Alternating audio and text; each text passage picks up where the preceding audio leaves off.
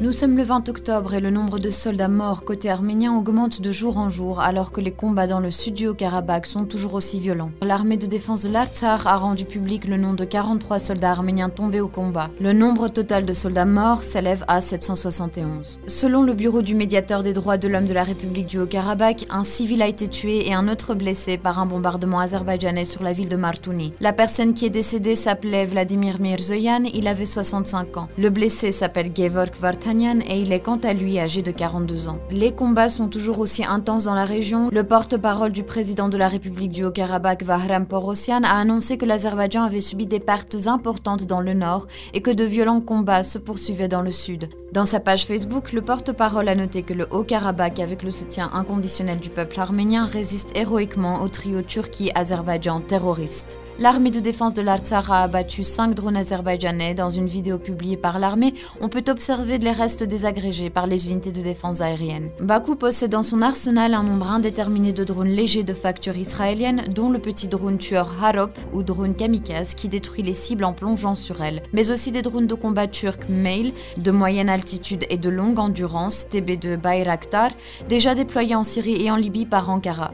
Outre les frappes qu'ils mènent, ces drones servent aussi à marquer des cibles qui sont ensuite visées par l'artillerie. Selon le Premier ministre arménien Nikol Pachinian, l'armée de défense de l'Artsar aurait abattu une douzaine de drones turcs Bayraktar. Cependant, aucun des appareils endommagés n'est tombé dans les zones sous le contrôle de l'armée de défense arménienne. Il semble que nous ayons enfin un morceau de Bayraktar qui montre que les drones ont été produits en septembre et que la caméra ultramoderne intégrée a été produite au Canada. Selon le dirigeant arménien, cela prouve l'implication directe de la Turquie dans la guerre terroriste contre l'Artsar et ses préparatifs et les pays qui fournissent les composants nécessaires pour Bayraktar à la Turquie sur la base de ce fait devraient suivre l'exemple du Canada et suspendre l'approvisionnement des composants des drones, a déclaré Pachinian.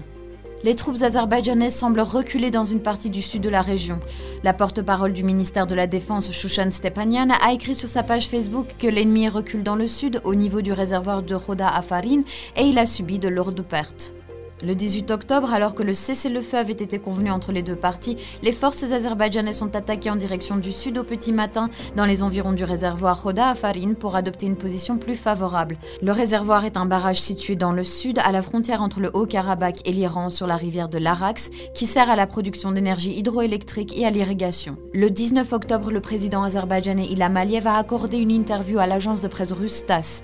Aliyev a déclaré qu'il était prêt à reprendre les pourparlers avec le premier ministre arménien Nikol Pachinian, mais avec comme condition préalable la restitution des territoires du Haut-Karabakh, ce que refuse le gouvernement arménien. Maria Sela Gelmini, députée du parti Forza Italia, a exprimé son soutien à l'Arménie dans la guerre du Haut-Karabakh. Durant une session à la Chambre des représentants, la députée a déclaré que son parti demandait au gouvernement italien, à toute la communauté internationale, de faire des efforts clairs pour empêcher des attaques contre l'Arménie.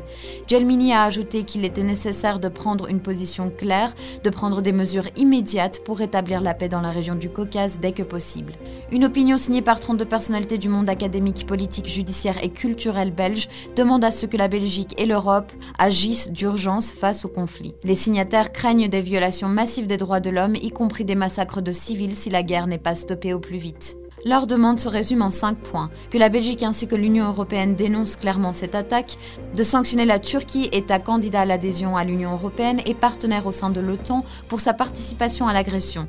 Que la Belgique, l'Union européenne et les organisations des droits de l'homme dénoncent l'utilisation de missiles interdits et les attaques contre les civils et les infrastructures civiles.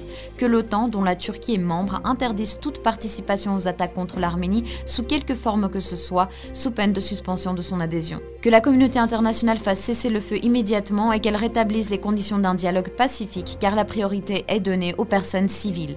Enfin, les signataires rappellent que la communauté internationale a un devoir de protéger la population arménienne du Nagorno-Karabakh, qui est aujourd'hui confrontée à un danger existentiel.